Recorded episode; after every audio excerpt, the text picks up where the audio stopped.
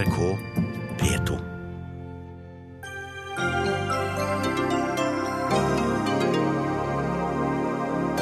Oslo og Bergen bryter loven som gir innbyggerne innsyn i hva politikerne gjør. Så nå vil politikerne endre loven. Like demokratisk som AKP på sitt verste, sier Rødt-leder om hemmeligholdet. Juryen skal bort, mener stortingsflertallet, og da er det duket for flere uriktige domfellelser, mener Advokatforeningens forsvarergruppe. Staten bør pålegge imamer norskkurs og utdanning for å hindre radikalisering, mener Høyre-politiker. Har hun fått med seg at staten skal slutte å utdanne prester? Og nå skal bistanden konsentreres om det Norge er best til. Problemet er bare at Norge jo er verdensmester i alt innen bistand.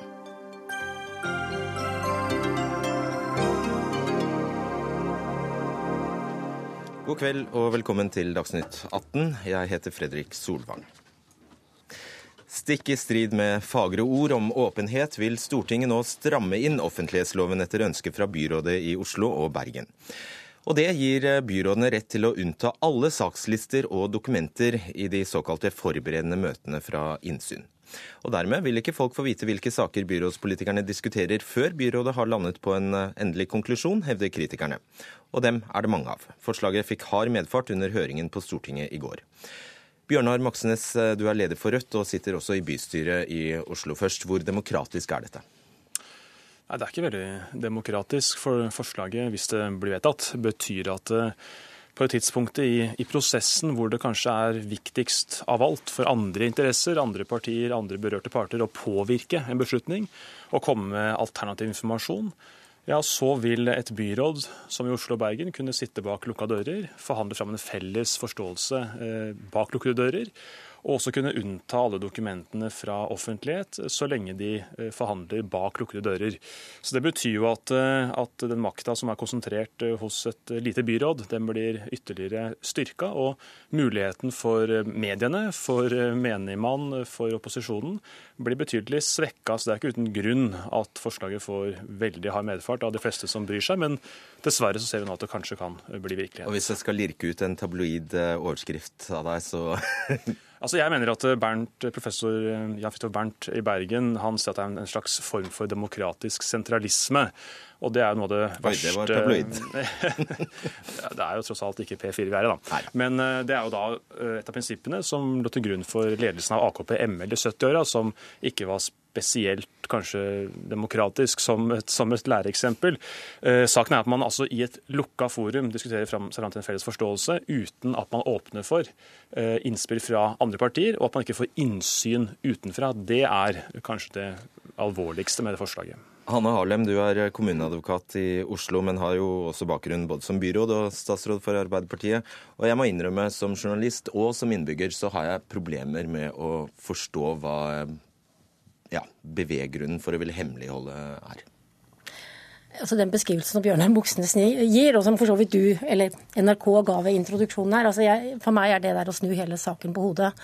Det man ønsker å ha i byrådet i Oslo og byrådet i Bergen, det er at man fortsetter å følge samme praksis som man har gjort helt siden byrådet altså helt siden man fikk byråd, altså i 25 år. Mm, og som Sivilombudsmannen har sagt er ulovlig. Sivilombudsmannen har sagt at, at, de er uenig i den lovforståelsen, ja. Så da endrer man i stedet loven? Det er riktig. Men poenget, poenget er like fullt Poenget er like fullt at det er den praksisen som har vært fulgt i både Oslo og Bergen helt siden byrådet ble opprettet i over 25 år. Det er også den praksisen som samsvarer helt med måten man gjør det på nasjonalt nivå. Men, du sånn er da ingen, men Oslo kommune er jo ingen regjering? Byrådet og parlamentarismen i Oslo er bygget opp etter modell fra staten. Og eh, Som du var inne på, jeg har vært både byråd og statsråd. Det er helt det samme de samme prinsippene som gjelder. og det er... Eh, så byrådet tar stilling til spørsmål om nasjonal sikkerhet f.eks., som må holdes hemmelig? Men alle regjeringsnotater er unntatt offentlighet. På samme måte som jeg mener det må være riktig at byrådsnotater er unntatt offentlighet. Men kan jeg få lov å, jeg må få lov å si Ja, litt mer? Fordi at eh, man, man må jo starte med utgangspunktet at alle saksframlegg fra byrådet enten det går til bystyret eller byrådet selv skal vedta det, er offentlige. Og det er offentlige en, senest en uke før det skal vedtas. Så det blir én ukes debatt da, før vedtaket fattes? Det, det er mye mer debatt enn det. Det som er spørsmålet, er jo om man skal ha rom for å diskutere fortrolig seg imellom i et organ. Og offentliglova, som jo veldig bra og veldig riktig har som hovedregel at man skal ha innsyn og offentlighet, den har tre egentlig sånn hovedunntak, hovedhensyn, som tilsier at man ikke alltid skal ha innsyn. Det ene er personvern, det andre er forretningshemmeligheter, og det tredje er muligheten for å forberede en sak. Å kunne diskutere før man kommer fram med et forslag. Det er hele unntaket for alle interne dokumenter i hele statsforvaltningen. Og det er regjeringsnotater er også et sånt hensyn, og byrådsnotatet bør være det. Hvis Stian Bergen Røsland, byrådsleder i Oslo, får, den, får, en, får et brev fra Christian Ringnes, som han gjorde på et tidspunkt, om å lage en skulpturpark, så er det et poeng at han kan få lov å drøfte det med de andre byrådene før byrådet kommer med et standpunkt. Uten at pressen ser alle elementer i det. Veldig kort, Moxnes. Det er et fint, konkret eksempel. Altså For det første så har jo en regjering ikke noe lokaldemokrati å ivareta, som et byråd har, om det så er i Oslo eh, eller Bergen for den saks skyld. For det andre så er jo problemet her med argumentasjonen til eh, Hanne Harlem at eh, her vil altså til og med sakslistene bli tatt offentlighet. Vi vil ikke få vite hva som blir diskutert mens det diskuteres, når det er som viktigst å nettopp kunne gå inn i prosessen. Men ta brevet fra Ringnes, ta, ta brevet fra Ringnes ja. som et eksempel. Jeg mener at det er helt avgjørende at, vi, altså at, at før byrådet låser seg fast til et standpunkt, at vi får kommet inn med innspill og ikke minst få en offentlig debatt rundt det før dette her blir låst. For det er klart at, at Hvorfor det? Det er jo bare byrådet, og så skal bystyret ta stilling til det senere. Nei, for, fordi, nei, fordi at det vi ser bl.a. I, i Oslo, er at de hemmeligholder veldig mye dokumenter. Og når vi da prøver å få et tilsvarende grunnlag for å lage politikk, utover én ukes forberedelse, så er det vanskelig hvis det først kommer til bystyret en uke men, før men det skal vedtas. og Det er det som vil skje. Men brevet fra Øyne som et eksempel. Ethvert forslag fra plan- og bygningsetaten, brevet fra TV 2 om å få penger til, til X Games, alt dette er offentlige dokumenter og er åpne og all mulighet for debatt lenge før byrådet får lov å snakke byrådene seg imellom, får lov å snakke, snakke seg imellom med noen dokumenter som grunnlag for diskusjonen. Før det så kommer okay, ut som et offentlig saksframlegg. Ja. Geir Toskedal, du er og Det er jo interessant at Oslos politiker fra SV, Ivar Johansen, har sagt at han har full forståelse for dette behovet som byrådet har for å ha byrådsnotater rundt at offentlighet. Ja, det er interessant. Det har du rett i. Geir Toskedal, du er stortingsrepresentant for eh, Kristelig Folkeparti og er forslagsstiller sammen med representanter for, eh, fra Arbeiderpartiet, Frp, Høyre og Venstre. Så etter alle solmerker blir det flertall for dette? Ja, det har vi jo tenkt, men det er klart at vi har jo venta på høring, og vi vil jo se hva som ligger i høringen av motforestillinger. Parlamentarismen er jo en politisk modell som har vært prøvd i Norge en stund. og Hvis det er uheldige sider ved den eller andre modeller, så må jo Stortinget kunne se på det. Så har ikke Kristelig Folkeparti landa endelig på den, men jeg er forslagsstiller og mener at det er et fornuftig forslag så langt som jeg kjenner det. Jeg er opptatt av eh, Ja, da må jeg bare ja. spørre deg. Så du mener faktisk det er fornuftig at hvis et byråd har planer om å legge ned en skole eller privatisere et sykehjem, så skal ikke den saken Eh, komme offentligheten for eh, øre eller øyne før eh, en uke før det skal voteres? Ja, jeg, jeg, det er et dårlig eksempel. Jeg er for mer offentlighet, jeg er for gode demokratiske prosesser, og jeg er for kvalitet i saksbehandlingen. Og jeg kjenner jo formannskapsmodellen godt. Og, være, og, der er det jo full anledning til å prate og forberede før sakene kommer opp til offentlig behandling. Og da skal det være åpent helt til bunns i saken. Og det skal det også være i, i, i disse tilfellene. Men det er klart at hvis du ikke har den ordningen som formannskapet har anledning til, så trenger du den politiske debatten til bare noen muntlige avtaler samtaler i ganger og korridorer, og det kan vi ikke ha. Vi må ha full innsyn, og da må det være kvalitet i saksforberedelsen. Og dette bidrar til det. Men det eksempelet du kom med, er jo, det blir jo helt feil. Det er klart en sak om en nedleggelse av skole. Det vil være full offentlighet. Det er krav om høring. Det er krav om ja, men vi får ikke vite hva byrådet mener. Nei, men Byrådet må jo få lov å diskutere seg imellom før de kommer med hva de mener. Det er jo det, det er bare, bare, det det dreier seg om. At byrådet skal få, kunne få lov å diskutere byrådene. De åtte som sitter der, skal kunne få lov å diskutere seg imellom hvilket standpunkt de skal ta. Du ser at det kan bli problematisk av den tid det kan være et flertallsbyråd? Nei, jeg ser ikke at det kan være problematisk problematisk. I hvert fall ikke noe mer problematisk enn det det er, på, er i regjeringen. Og for regjeringen er det akkurat på samme måte. Er det et lovforslag, det er full høring, det er full offentlighet, full debatt, så får regjeringen diskutere unntatt offentlighet okay. sin før de kommer med sitt forslag.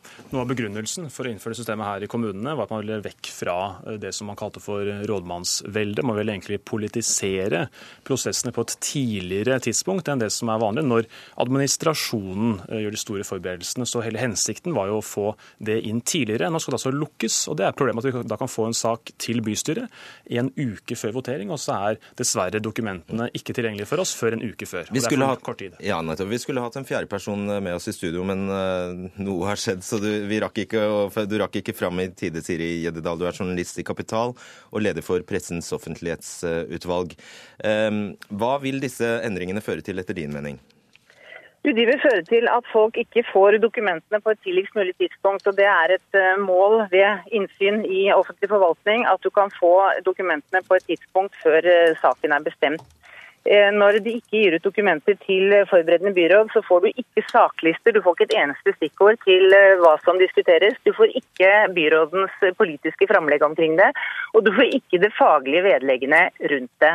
Så vi mister veldig mye ved å ikke kunne få innsyn i dette. Det er akkurat de dagene fra det er forberedende byråd til det er eh, et endelig byråd at du har muligheten til å påvirke den saken. Kan du fort eh, forsøke å forklare oss hvorfor dette gjelder bare i byer som har innført parlamentarisme? Ja, Det er de som har påberopt seg et spesielt unntak der. Nå har jo Sivilombudsmannen sagt at det er ikke noe unntak. Eh, og Det er jo derfor de fremmer et nytt lovforslag nå. Så er, I alminnelighet så er det Eh, er det kommunenes eh, formannskap, så vil det være offentlig på en helt annen måte. Eh, så, så, det er det okay. som gjør det. Og i Byrådene har en slags sånn administrativ funksjon også. Men jeg har vanskelig for å forstå denne. altså Det som ble brakt fram i Stortinget i dette forslaget, var at de hadde en rådmannsfunksjon, men det har jeg veldig vanskelig for å forstå, fordi saksbehandlerne driver fortsatt saksbehandling. Og De sender ikke utkast til byrådsbehandling, de sender saken sin. og Det har aldri vært meningen at byrådet skal drive administrativ saksbehandling. Men jeg er til gode å se et godt eksempel på administrative saker som er problematiske å ha åpenhet om. Katta ut av sekken, den kom på, nei, på høringen i, går, i, Stortinget i går. Hvor, eh, hvor, det kom veldig klart fram at det var politikken de ville skjerme. Altså Den enkle begrunnelsen er politisk. Og Da spør jeg hvorfor skal de da unnta saklisten, og hvorfor skal de da unnta de faglige vedleggene til saken.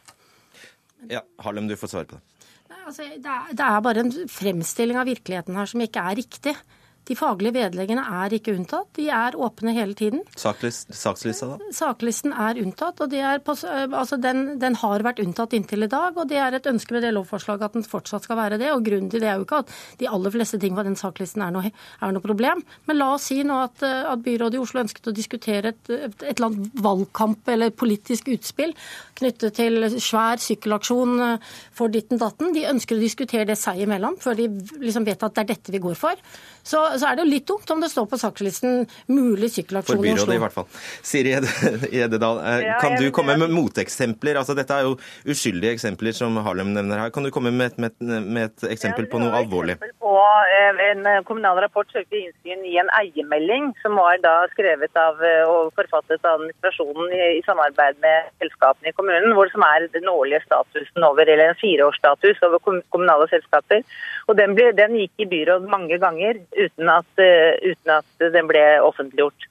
Og Da diskuterer de ting, og vi, det, var ikke engang på saklisten at den, at den skulle være der. Så Det er ett eksempel. Ellers er det vanskelig å komme med eksempler, fordi at det er jo et hemmelighold også på det som har vært. Og jeg vet at eh, En journalist i Bergens Tidende har søkt om innsyn i tidligere saklister, men de er klausulert og arkivert, og det skal ikke offentliggjøres på 25 år. Så det er jo et hemmelighold helt uten like her til gamle eh, saklister. Så det er, det er jo helt uforståelig hemmelighold. Da har man eh, det er jo ikke noe saklig begrunnelse at du skal diskutere politiske ting i ro og fred. Og Det er et viktig poeng her at det er forskjell på dokumenter til et sånt møte og på de politiske diskusjonene. Eh, eh, fordi de har lukkede møter og kan diskutere i fred. Men det som er problemet med å ha lukkede møter uten å få lov å ha dokumenter, det, er, det mener jeg er et kvalitetsproblem. For det betyr at du har møter hvor personer Det begynte Monica Mæland med i Bergen. Bare, ja, det har man, det har man bare snakke. Ja, og det har man delvis gjort i Oslo. Det, altså, som kommuneadvokat, for å si det sånn, så tenker jeg at det er veldig uheldig. fordi at det gjør at muligheten for å etterprøve blir, uh, blir uh, veldig dårlig, rett og slett. Sånn at det ødelegger saksbehandlingen. Et siste spørsmål til deg, Toskedal. Hvorfor dette hastverket? Nå skal jo regjeringen, regjeringen gjennomgå eh, to, to lover som dette gjelder, og så slenger dere inn et Dok 8-forslag. Hvorfor det? Fordi at det er en aktuell problemstilling, og da tar vi tak i det når det er aktuelt. For oss i Kristelig Folkeparti så har ikke vi ennå tatt stilling til det, men for meg som er med å stille forslaget, er det viktig å finne det rette grensesnitt mellom saksforberedelse og saksvedtak. Og jeg er for mer offentlighet, og at denne saken eh, kan som de, vi har fått eksempler på her, vil føre til et, et bedre demokrati og en bedre kvalitet i saksforberedelsen. Det er min motivasjon og hensikt i dette. Problemet er jo det omvendte her. Bare for å nevne det. Altså, Stavanger Aftenblad har jo spurt 140 kommuner, og av de så var det sånn at 106 av de kommunene eh, har retningslinjer som pålegger lokalpolitikerne taushetsplikt utover det som følger av loven. Så det er for mye hemmelighold som er problemet, ikke for lite hemmelighold. Det er det som er utfordringa. Og det treffer jo overhodet ikke forslag. Tvert imot, det vil innskrenke mulighetene for innbyggerne, for innbyggerne til å få innsyn på et riktig tidlig tidspunkt. Det er problemet med forslaget, mener jeg. Men det gjelder i kommunene. Dette gjelder jo parlamentarismen. Og det er enda verre i Oslo. Bare ta det med ro. Der er det masse ulovligheter. jeg må, si, eh, jeg må si stopp der. Takk skal dere ha, Hanner Harlem, Siri Gjeddedal, eh, eh, Bjørne Moxnes og Geir Toskedal. Dagsnytt 18 alle hverdager kl 18.00 på NRK P2 og NRK2.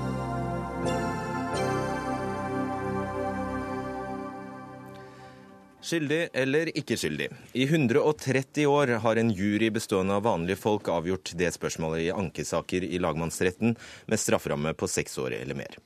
Og det helt uten å måtte begrunne avgjørelsen.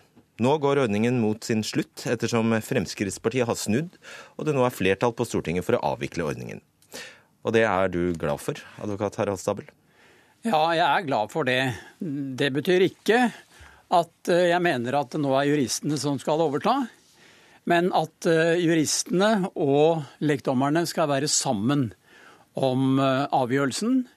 Og det viktigste argumentet jeg mener, og mange mener, for å avskaffe juryordningen og erstatte det med tre fagdommere og kanskje seks, syv, åtte lekdommere, er at de da kan diskutere sammen. De kan begrunne sammen.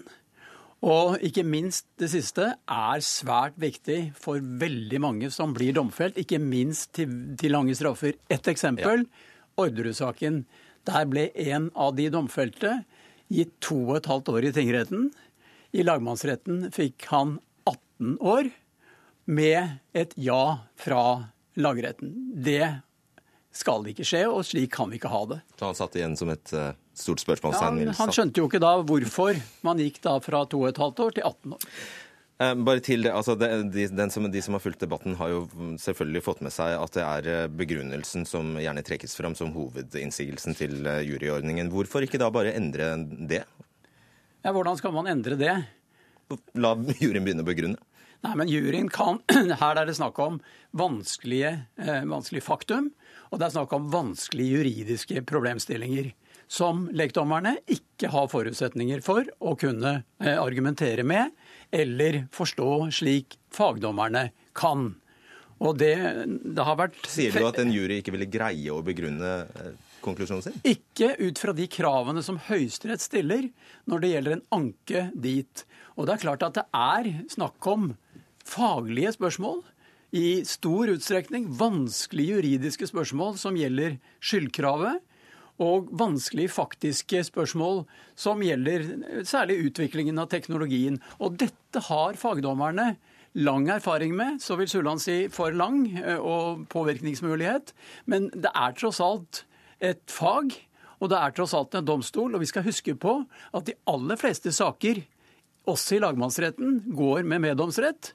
Og 98% av alle straffesaker går med meddomsrett, altså hvor det er en fagdommer. Mm. og to lekdommere, og i lagmannsretten eh, tre fagdommere og fire-fem lekdommere. Frode Sulland, du er advokat og leder av Advokatforeningens forsvarergruppe og allerede introdusert, for så vidt. Hva taper vi på å avskaffe juryordningen? Vi taper jo rettssikkerhet. Vi taper eh, den beste ordningen for å sikre at ikke uskyldige blir dømt. Vi skaper en uh, fare. Og hvorfor det? Nei, det har jo sammenheng med at uh, vi har ganske gode holdepunkter for at uh, legfolk håndhever et strengere beviskrav. De er mer opptatt av den rimelige tvilen som tross alt skal føre til frifinnelser. Og at fagdommere, både gjennom Eh, særlig de tilsidesettelsespraksisen som man har hatt, hvor fagdommerne setter sitt skjønn utover eh, juryens skjønn, så viser det eksempelvis at fagdommerne håndhever et annet beviskrav. Og Det er dette som er den grunnleggende store bekymring. Jeg er sikker på at Harald Stabel også er enig i at det er viktigere at eh, ikke uskyldige blir dømt, enn at de skyldige får sin begrunnelse i riktige juridiske termer? Dette med hva slags juridiske termer er jo en betydelig overdrivelse. Eh, dette dreier seg om faktum, det dreier seg om vurdering av bevis.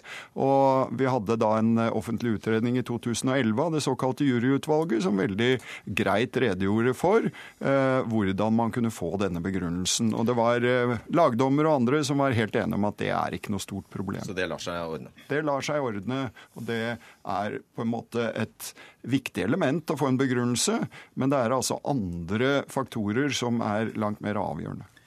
Jeg syns det er dristig av Sørland og også av andre forsvarere som eh, vil ha juryordningen fortsatt, eh, å begrunne det med at man skal sikre at uskyldige blir dømt, og at juryen har et strengere beviskrav. Sikre at skyldige blir dømt? At uskyldige ikke blir dømt. Sånn.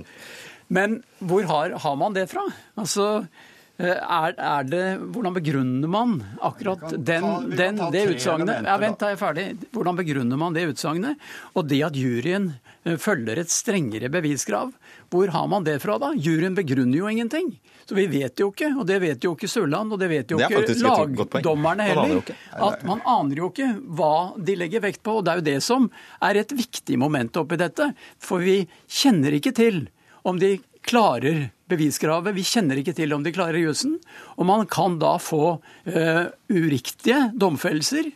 Og jeg tror nok og håper at Sørland og, og andre er enig i at det er viktig at det blir riktige avgjørelser juridisk. At man ikke får frifinnelser som åpenbart ikke er holdbare. Og det har også en side til fornærmede i saker. Sulland, jussen må da veie tyngre enn magefølelse og, og Ja, for, for all del, men dette dreier seg jo ikke om magefølelse. Det dreier seg om å være sikker på håndfaste bevis. Uh, enten det er den ene eller andre type sak. Et eksempel på, på at også vår høyeste påtalemyndighet uh, vurderer dette dit hen, er jo at man er bekymret for frifinnelsene i voldtektssaker. Man ønsker altså å uh, fjerne juryen for å få flere domfellelser. Og det er ikke fordi man ikke skjønner hva en voldtekt er, eller ikke kan jussen. Det er fordi at juryen jevnlig vurderer bevisene annerledes enn det meddomsretten har gjort når den har vært i tingretten. Vi kan også nevne mange eksempler. Jeg tror vi hadde hatt en tragedie i dette landet hvis eh, det ikke hadde vært for juryen i Bjugn-saken, i Karmøy-saken, som frifant på tross av lagmennenes klare rettsbelæring om at man burde dømme. Men syns ikke du altså det, det, Dette eksempelet med voldtektssakene kan jo snus på hodet. Der satt jo politioverbetjent Karianne Lid i Oslo politidistrikt i dette studioet og eh, for, no, for, en uke siden og sa at uh, juryen må til livs fordi den har en tendens til å frifinne i voldtektssaker. Og der har man helt, helt fine strafferammer, men juryen, uh, juryen dømmer for mildt nå er det forskjell på å dømme for mildt og å frifinne. Ja, det uh, og dette dreier seg om hvorvidt man skal anses skyldig eller frifinnes. Det er det juryen som avgjør. Og nettopp denne argumentasjonen om at man må bli kvitt juryen i voldtektssaker for å få domfellelser, viser jo med ganske klar tydelighet at man er opptatt av at da vil det være lettere å få folk dømt. Og det er vår bekymring. Men jeg syns det er dristig å hevde at uh, jurymotstanderne de er motstandere av denne ordningen fordi man ønsker flere domfellelser. det mener jeg at dere overhodet ikke har noe grunnlag for Riksadvokaten har sagt dette helt uttrykkelig. Det er derfor han ønsker å få bort juryen i voldtektssaker, for å få flere Hva domfellelser. Riksadvokaten måtte mene. Nå snakker vi om forsvarere og advokater. Og det er jo interessant når eh, 25 av eh, tingrettens fellelser, altså med én fagdommer og to eh, lekdommere som dømmer, 25% av disse blir frifunnet av juryen. Det er et veldig høyt tall, og mye høyere tall enn alle andre typer kriminalitet. Og det må det stilles et spørsmålstegn ved. Hvorfor skjer det? Vi har ikke tid til at du svarer på det spørsmålet, Sulland, i den grad du kan det. i det. Jeg har Men du- allerede svart, så det er greit. Eh, Helt, eh, helt kort til slutt. Innser du at slaget er tapt? Ja, jeg er helt uh, sikker på at uh, nå går toget for juryordningen, dessverre. Takk skal dere ha, Frode Sulland og Harald Stabel.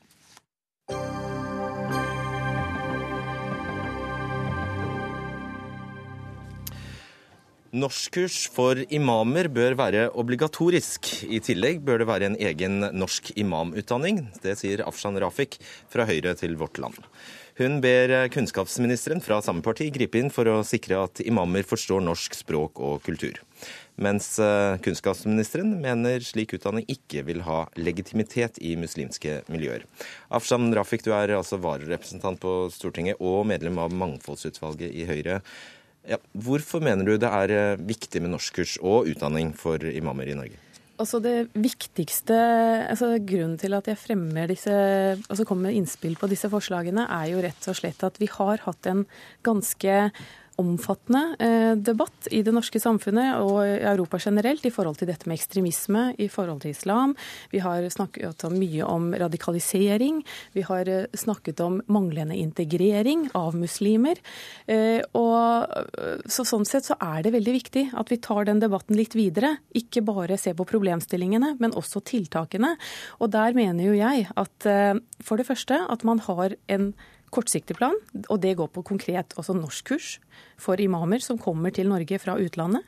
Eh, og så er det dette med at de må lære seg en viss grad av samfunnskunnskap i det norske altså hva, Hvilke normer og verdier er det norske, det norske samfunnet er bygd på? Eh, Hvilken rolle har de som imamer? Hvordan skal de veilede eh, viktige, altså, i viktige Og- spørsmål når det gjelder norske samfunnet? Og så er det dette med imamutdannelse, som jeg bare, for å si det sånn, har utfordra kunnskapsministeren litt grann på. Fordi jeg tror det er så utrolig viktig at vi får norske imamer som er født og oppvokst i Norge, som har en tilknytning til det norske samfunnet, som gjør at de på en bedre måte både kan ta del i de offentlige debattene vi har i Norge, men også veilede unge mennesker som er født og oppvokst i Norge. Og egentlig er vel veldig få i dette landet uenig med deg i det du sier nå. Ja, jeg håper Men jo det. hvorfor skal det da være et statlig ansvar?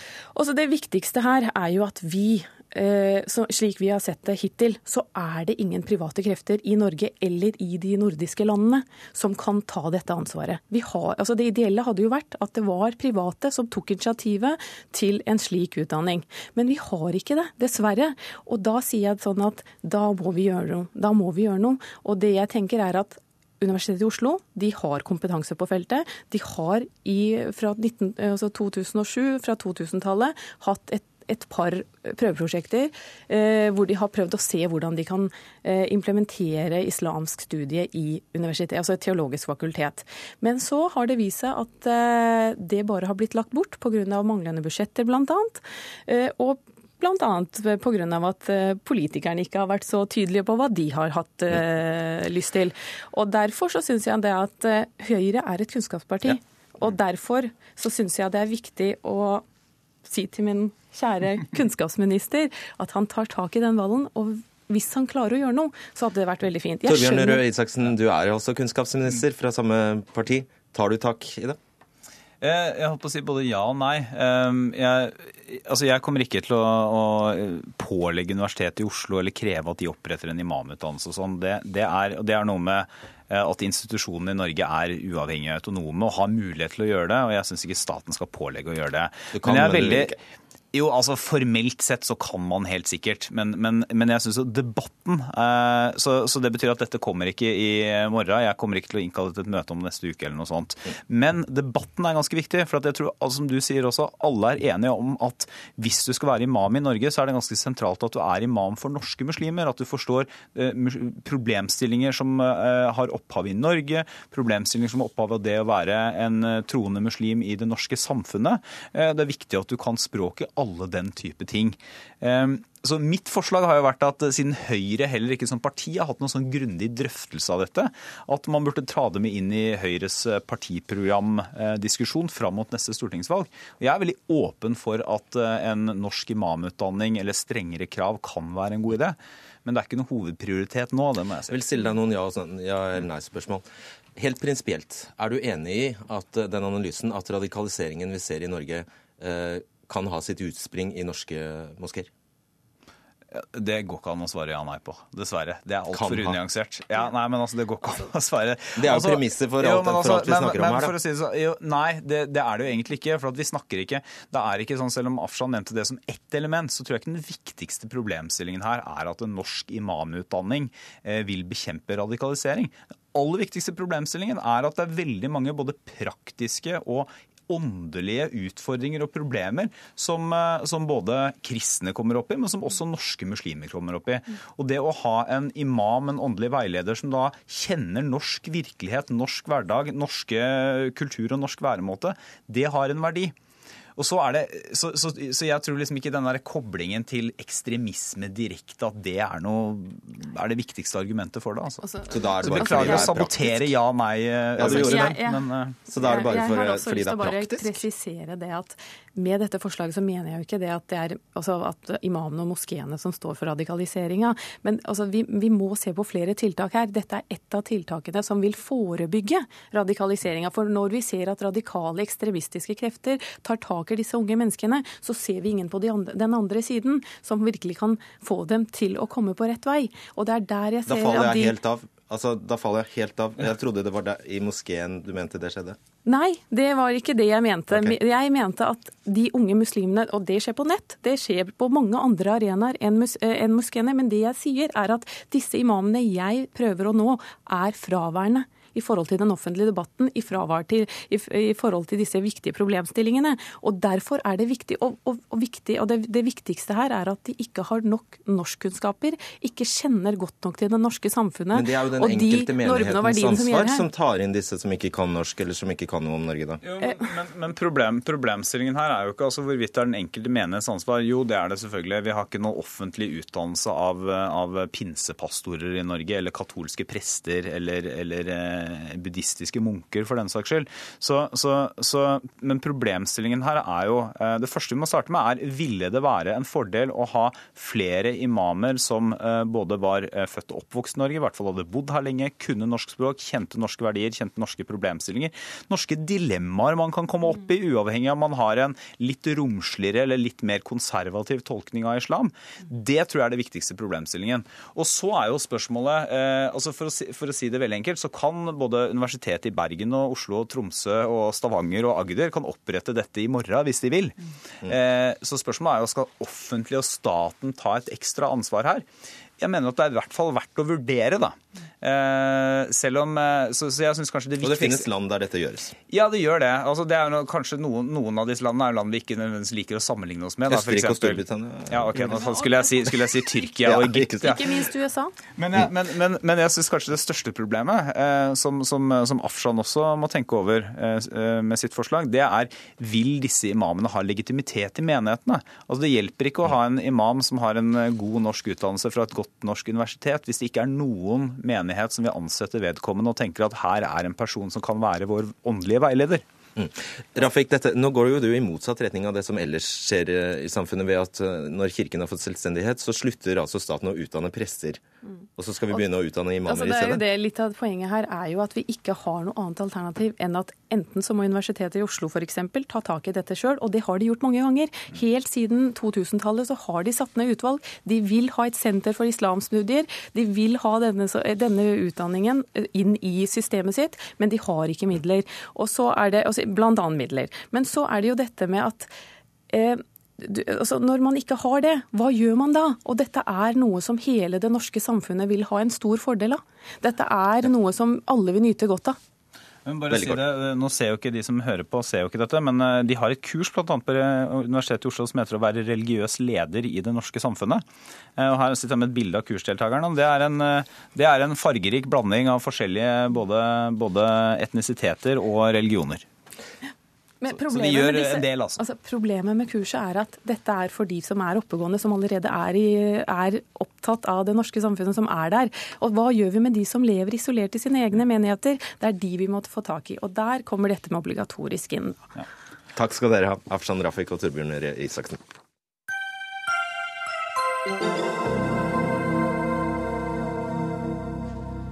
Flere rusforskere frykter vingeklipping etter at det i går ble klart at regjeringen legger Statens institutt for rusmiddelforskning inn under Folkehelseinstituttet. Og en av dem er eh, deg, det er Carl Erik Lund, du er forskningsleder ved Sirus. Hva er det du frykter vil skje? Ja, For det første at store deler av vår eh, prosjektportefølje vil passe så dårlig inn på Folkehelseinstituttet at det rett og slett vil eh, forvitre. Eh, og For det andre så frykter vi jo også at de strenge rutinene for informasjonsbehandling og pressekontakt på eh, folkehelsa vil innebære en avkortning i vår eh, skal vi si, aksept til mediene. I vårt mandat så er vi jo gitt i oppgave å stimulere til debatt, og dette tar vi på største alvor. Så våre forskere har full frihet til å fremme sine forskningsfaglige synspunkter overfor mediene helt usensurert av oss i ledelsen. Og det har ikke folkehelsa? I full institusjonstilknytning. Eh, men, men, det sentrale for folkehelsa det er jo å gi omforente og konsistente og klare råd til departement og politikere og nasjon. Og da kan de vanskelig ha oss samfunnsforskere som ser det som vår fremste oppgave å eh, si, problematisere disse rådene og komme med tvisyn om rådenes gyldighet, avdekke negative bieffekter av rådene, undersøke legitimitetsgrunnlaget for politikken osv. Så Derfor så har det jo en mye mer rigid praksis for mediekontakt der oppe. og Denne kontrollen frykter vi da vil hemme tobakks- og rusdebatten. Mm. Og Du har jo flere ganger uttalt deg stikk i strid med rådene fra Folkehelseinstituttet. Tror du at du helt konkret vil få anledning til fremdeles å si hva du mener om f.eks. e-sigaretter? Eh, eh, altså, det ville vel ta seg litt dårlig ut for Folkehelseinstituttet dersom våre stemmer plutselig skulle forstummes, eller at vi plutselig skulle begynne å si noe helt annet. Så, så, på denne bakgrunn så tror jeg kanskje at folkehelsa kanskje vil måtte se noe nærmere på sine kontrollrutiner. Vi, vi, vi kan jo plutselig kan ikke gjøres usynlige, men Kanskje pressekontakten aldri sluser deg videre til oss? ja, altså det, det, det gjenstår å se. da. Jeg, jeg, tror at disse informasjonsrutinene vil jo da være et sentralt anliggende i de forhandlingene som vi nå må gjøre med Folkehelseinstituttet når vi begynner å nærme oss en innplassering. Mm. Eh, regjeringen ønsker jo med dette f.eks. å unngå dobbeltarbeid og gjøre forskningsmiljøene store og gode. Hvordan vet du at dere rett og slett ikke vil tjene på dette?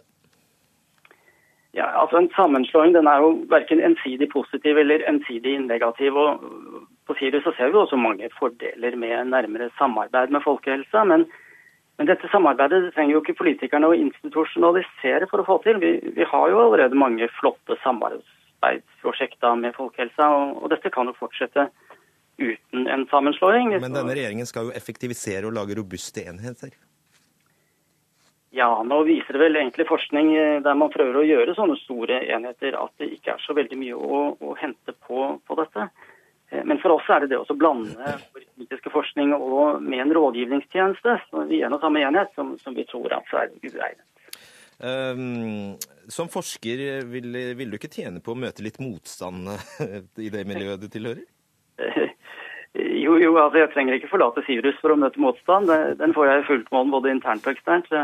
Og motstand er eh, udelt positivt, men, men, mitt poeng er altså at meningsbrytningen må være offentlig. Den skal ikke gjemmes bort internt på et institutt, for så at vi skal stå frem som en monolittisk enhet bak et eller annet råd. Så Vår ambisjon på Sirus er jo hele tiden vært å gi folk innsyn i hva som ligger bak beslutningene. Hvor skjørt er beslutningsgrunnlaget, hva skal til for å endre det hva er de negative bieffektene osv. Mm, og til slutt, ja. Jeg, jeg kunne, altså for et, et eksempel, da, hvis altså Høie og departementet har jo tenkt å arbeide mot et tobakksfritt samfunn, og det, det, er jo helt OK. Men da vil vi stille sånne spørsmål som er det, er det legitimt å ta tobakken eh, fra røykerne og snusbrukerne så lenge de er villige til å betale hva det koster. De er informert og har akseptert eh, skadene. De røyker på anviste plasser osv. Så, videre. så dette er et typisk kritisk forskning som vi da frykter vil få litt dårlige vekstvilkår på folkehelsen. Mm. Og I forlengelsen av det et testspørsmål. Vil det ha en positiv effekt på folkehelsa hvis folk slutter med røykingen og heller snuser? Eh, ja, det er jo helt innlysende. Altså, gitt den store skadeforskjellen det er mellom disse to produktene, og fordi den store majoritet av snusbrukere fortsatt utgjøres av røykere, eh, forhenværende røykere og personer som ellers ville ha røykt, så, så må nettoeffekten uh, av snus nødvendigvis være positiv for folkehelsa. Og Vi er jo klar over at dette er et utsagn som så til de grader bryter med hva som er politisk korrekt. men og dette er veldig viktig. Som forskere så, så, må vi ikke ha lojalitet til politikken eh, og til de rådende oppfatningene. Vi er nødt til å ha lojalitet til våre data, og det er dette som våre data viser. Og da må vi kunne si det. Takk skal du ha, Karl Erik Lund, forskningsleder ved Sirius. Ja, Bent Høie, helse- og omsorgsminister eh, fra Høyre. Dette er jo en type mening eh, vi kommer til å få høre langt mindre eh, av i framtida. Ja, Hvis vi kommer til å høre langt mindre av den meningen i framtiden, så er det fordi at det er en, en, mening som var riktig for fem og ti år siden, men som er feil i dag, og derfor kommer den nok til å bli mindre aktuell i framtiden.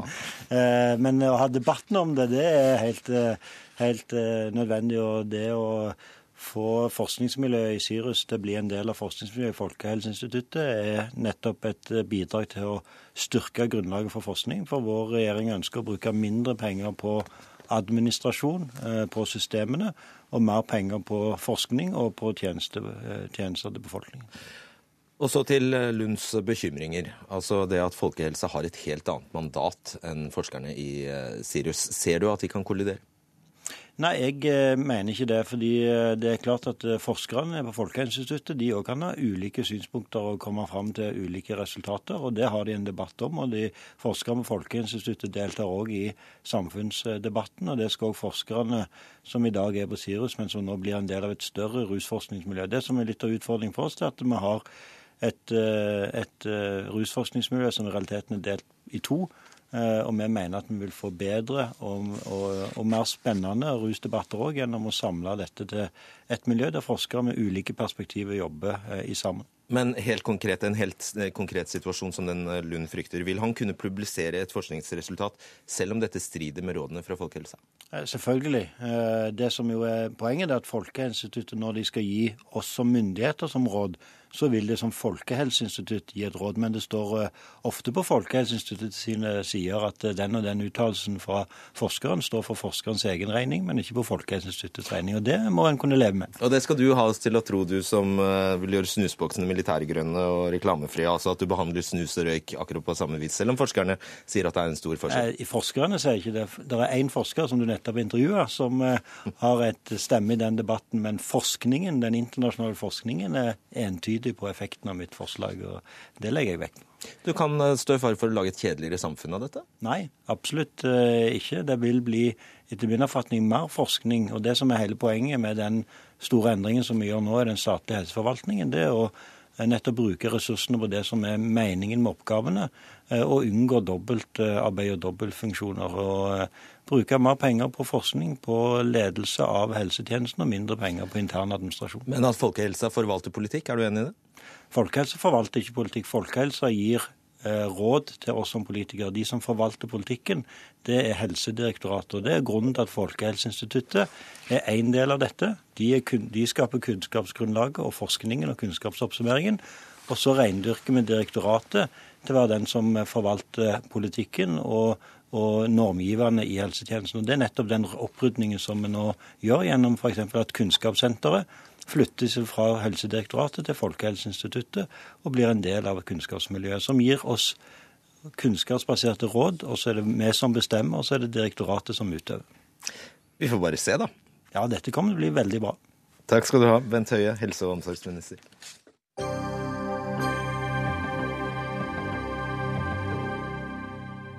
Og så skal vi snakke om brev. Nærmere bestemt 27 brev britiske prins Charles har skrevet til ulike statsråder i perioden 2004 og 2005. Til nå har det ikke vært kjent hva som står i brevene, men det har vært spekulert i at prinsen skal ha forsøkt å påvirke regjeringen til daværende statsminister Tony Blair. Og London-korrespondent Espen Aas, det er avisa The Guardian som skal, har publisert disse brevene nå i ettermiddag. La oss ha en recap først, som det heter der du er. Hva slags brev er dette egentlig? Ja, dette er brev som eh, både prinsen har skrevet, men også prinsen har fått tilbake fra departementene etter møter han har hatt med dem. Jeg har skummet gjennom de aller fleste nå. De ble også publisert på regjeringens eh, hjemmesider. Hovedvekten av dem er oppfølging av samtaler, hvor han poengterer at jeg liker best å, å skrive ned eh, tankene mine, og er relativt ufarlige. Det handler om at han er opptatt av at bønder ikke skal ha for mye byråkrati. Han er opptatt av alba albatrossbestanden. Han er opptatt av at det kanskje er i overkant mye grevling som ødelegger for eh, landbruket. Og han er opptatt av alternativ medisin og at skolebarn eh, får eh, riktig kost. En aldri så liten skuffelse, eller? Delvis, men det er ett brev som jeg syns var veldig interessant. og Det var et brev som han skrev til eh, Tony Blair, daværende statsminister, hvor han henviste til et veldig hyggelig møte, og hvor hyggelig det hadde vært at eh, Tony Blairs kone Cherie også var med. Som igjen handler om eh, landbruk, hvor han er bekymret for om Storbritannia faktisk produserer nok mat. Så mot slutten av brevet så skriver han plutselig Men du, en annen ting. Jeg har vært og, og besøkt styrkene våre og soldatene våre i, i Nord-Irak, og jeg begynner å bli litt bekymret bekymret for om budsjettene våre er gode nok, ikke minst de som vi nå sender til Irak. Prins Charles da eh, beskrev noen av disse overvåkningsflyene som det britiske forsvaret har og hadde, men at de ikke har hatt penger nok på budsjettene til å oppgradere disse, og uttrykte da en klar bekymring på regjeringens evne til å budsjettere riktig når det gjaldt Forsvaret. Så De eh, uttalelsene er vel sånn sett de mest kontroversielle jeg har klart å, å, finne her. Men det er jo ikke partipolitisk politiske som sådan, som jo har vært den store skrekken angivelig fra administrasjonen hos eh, prins Charles, at han skulle ta en form for politisk side, noe en, eh, verken en sittende monark eller en tronarving må gjøre. The Guardian skriver i dag at eh, David Cameron jobber for å få til at statsråder skal legge ned veto mot at eventuelt korrespondanse med sittende monark eller arving blir offentliggjort. Vet vi noe mer om dette? Ja, Dette har eh, kommet ut da samtidig som vi har ventet på at disse brevene skulle offentliggjøres. At de skal gjøre det vanskeligere. Det er jo en helt eh, fantastisk rettsprosess forut for denne offentliggjøringen. Da, gjennom ti år, 16 forskjellige dommer og, en masse pingpong mellom forskjellige rettsinstanser. Eh, nå skal det bli nærmest umulig, av hensyn da til denne objektiviteten som en monark skal ha. Men det er klart det gjør en jo enda mer nysgjerrig, for vi vet jo at prinsen har jo skrevet en bråte andre brev til en rekke andre departementer og ministre hva står i de, hvis en prins kan tillate seg å påpeke at han syns forsvarsbudsjettene ikke er helt der de skulle være? Hvilke andre ting har han meninger om? Og prins Charles eh, er jo da eh, prinsen av Wales, som ikke er noen liten bedrift når det gjelder bl.a. landbruksproduksjon. Og etter sigende skal det første brevet han skrev til en britisk regjering eh, ha vært i 1969, og da han, fryktet han overfiske av laks. Vet vi noe mer om hans politiske meninger? Han er jo en veldig frittalende prins, noe han eh, sikkert har arvet eh, av sin far. En, en vits blant britiske journalister er jo at eh, prinsens far har fornærmet de aller fleste i telefonkatalogen opp gjennom mange, mange år.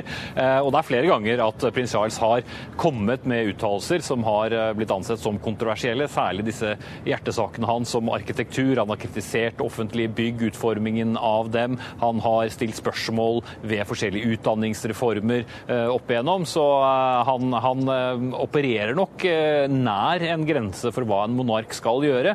Men han har jo også eh, sagt i dag via sine folk at dette legger nå bånd på ham til å engasjere seg i de sakene han mener han burde engasjere seg i. Han er jo medlem av en rekke veldedige organisasjoner, slik vår egen kongefamilie også er. Så det stiller jo da spørsmål ved hvor mye engasjement skal egentlig en monark ha? Og det er ikke tvil om at det er veldig viktig for mange organisasjoner å kunne trykke en monark mark til de brevene de sender ut når de ber om penger. Du får gå tilbake til brevene, Espen. Takk skal du ha, Espen Aas i London. Hør Dagsnytt 18 når du vil. Radio NRK Radio.nrk.no.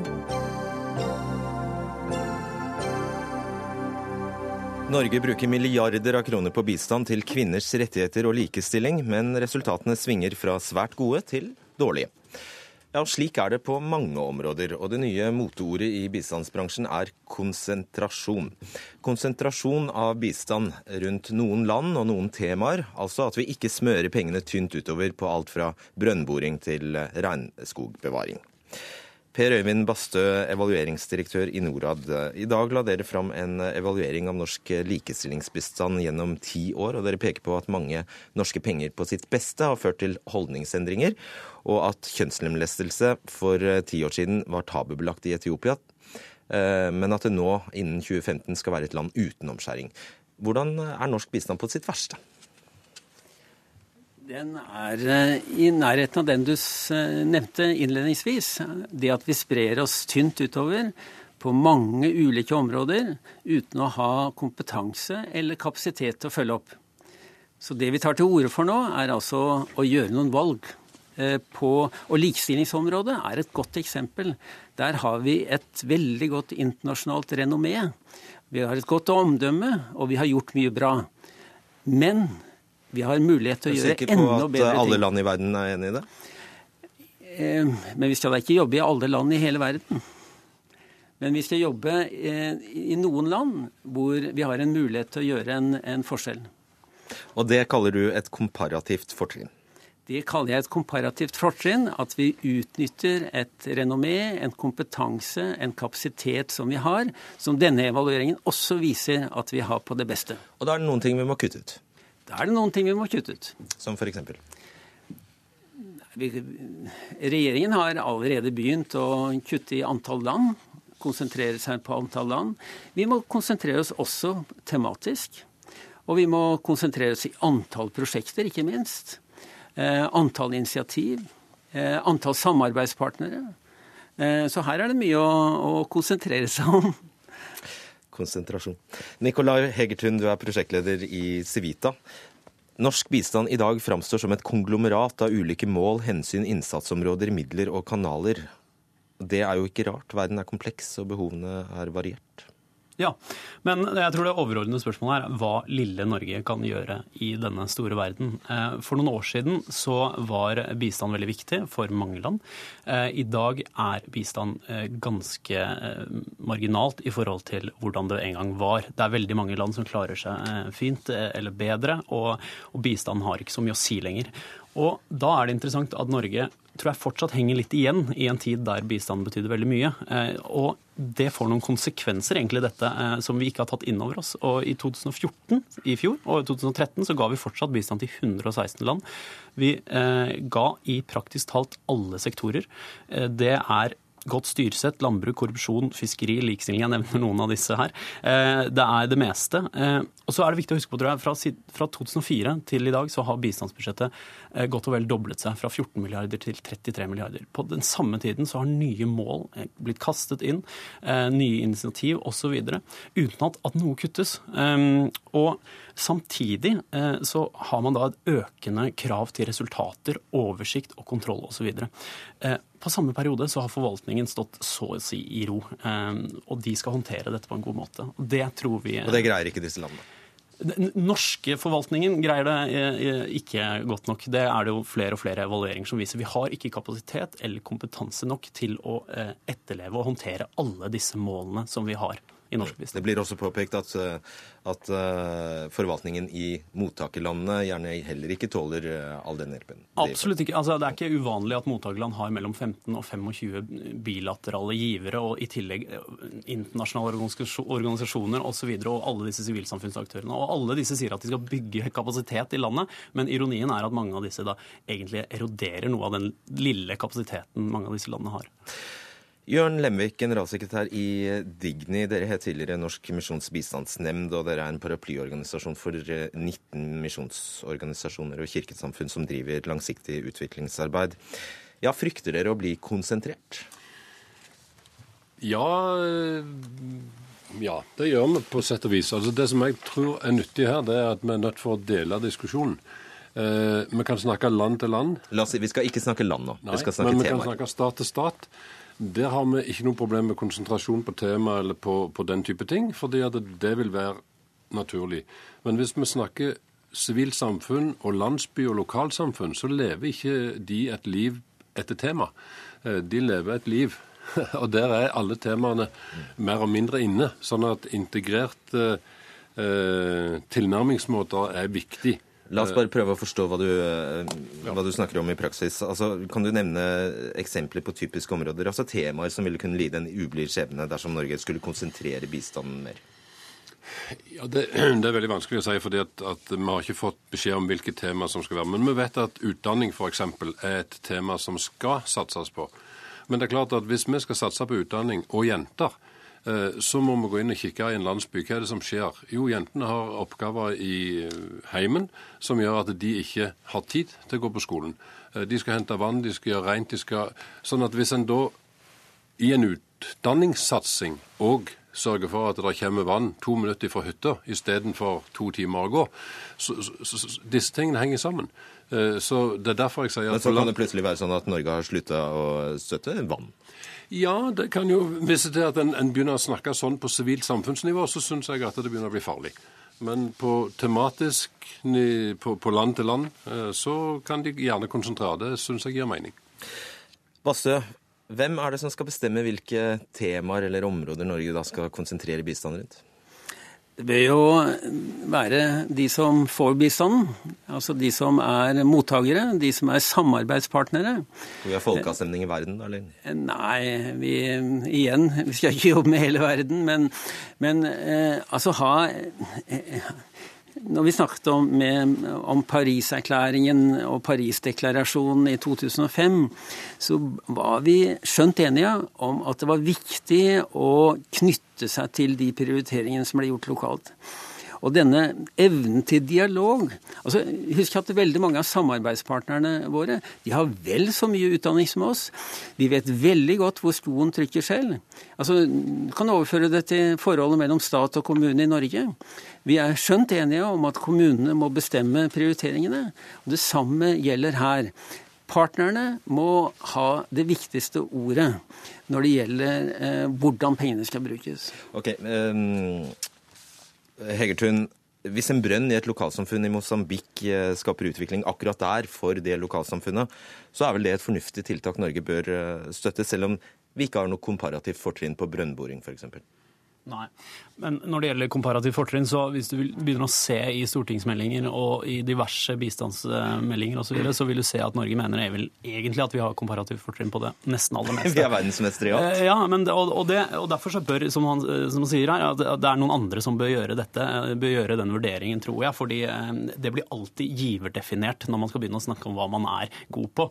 Eh, Men jeg, jeg syns det interessante her er hvorfor hvorfor vi får denne konsentrasjonsdebatten. Du sier det var nytt. Det er jo ikke nytt. Det var, dette ble debattert før jeg ble født, tror jeg. Eh, om konsentrasjon og fokusering av norsk bistand. Hvorfor får vi det aldri til? Og Det er jo det interessante her, tror jeg. Altså, det er jo ingen som går ut og sier at vi ønsker å smøre norsk bistand ut tynt med, i, i mange land over mange temaer. Jeg tror ikke det er en ønsket eh, politikk.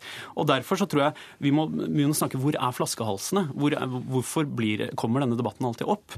Eh, og Det tror jeg er, det, det er mange ting, men, men jeg tror f.eks. at det er utenrikspolitisk en slags utenrikspolitisk overtagelse av bistanden. altså At mye av utenrikspolitikken bruker bistanden som, til å tjene da, de utenrikspolitiske interessene som Norge også har. Eh, Og så er, det, er det Alle vil ha sitt, egentlig. Bistand er et kjempeløst kompromiss mellom veldig mange aktører. Og det er, det er ikke effektivt. Ja. Men Lemvik, kan det også være sånn at en del av bistanden styres av det misjonsforeningene selv er opptatt av og kan, og kan noe om? Ja, I mindre og mindre grad. Eh, Jeg tror at vi er litt sånn særtilfelle i, i, i dette. fordi at Komparativ fortrinn kan være en diskusjon, men det er klart at vi jobber stort sett gjennom lokale kirker, lokale strukturer på bakken, som er lokale. Eh, Der det ikke er snakk om oss, men det er snakk om de. Eh, Og vi er veldig opptatt av at det er et lokalt eierskap som skaper forandring. Hvis det til at de ikke tror på det som utlendingen kommer med, så blir det ikke noe av det. Sånn at det, når vi er på bakken der vi er, så er det klart at da er det et lokalt eierskap til problemene, til utfordringene, til løsningene, til å ta ansvar for å gjennomføre dette, som gjør at det er en forskjell. Eh, Så ja, jeg tror ikke misjonsforeningene i Norge har noe som helst innvirkning på hva som skjer ute og gjør. Og Badstø, det blir vel et spørsmål for eh, politikerne her hjemme også, dette her? Absolutt. Eh, vi er veldig takknemlige for at det er flere som engasjerer seg i en debatt om disse spørsmålene. Eh, det er for lite bistandsdebatt i Norge. Eh, og dette er et viktig politikkområde som politikerne ikke alene kan styre. Men de er på banen, og de kommer til å være på banen, og de kommer til å beslutte. Og da vet vi at det sikkert er like mange meninger som det er prosjekter som det er partier? La oss håpe igjen da, for å, at det blir litt mer konsentrasjon. Jeg tror mange nå er skjønt enige om at eh, tiden er inne. Okay. Jeg må si takk til dere der, Per Øyvind Bastø, Jørn Lemvik og Nikolai Hegertun. Og så skal vi avslutte denne sendingen med å si at ansvarlig for den var Ida Tune Øritsland. Teknisk ansvarlig var Lisbeth Sellereite. Og jeg heter Fredrik Solvang.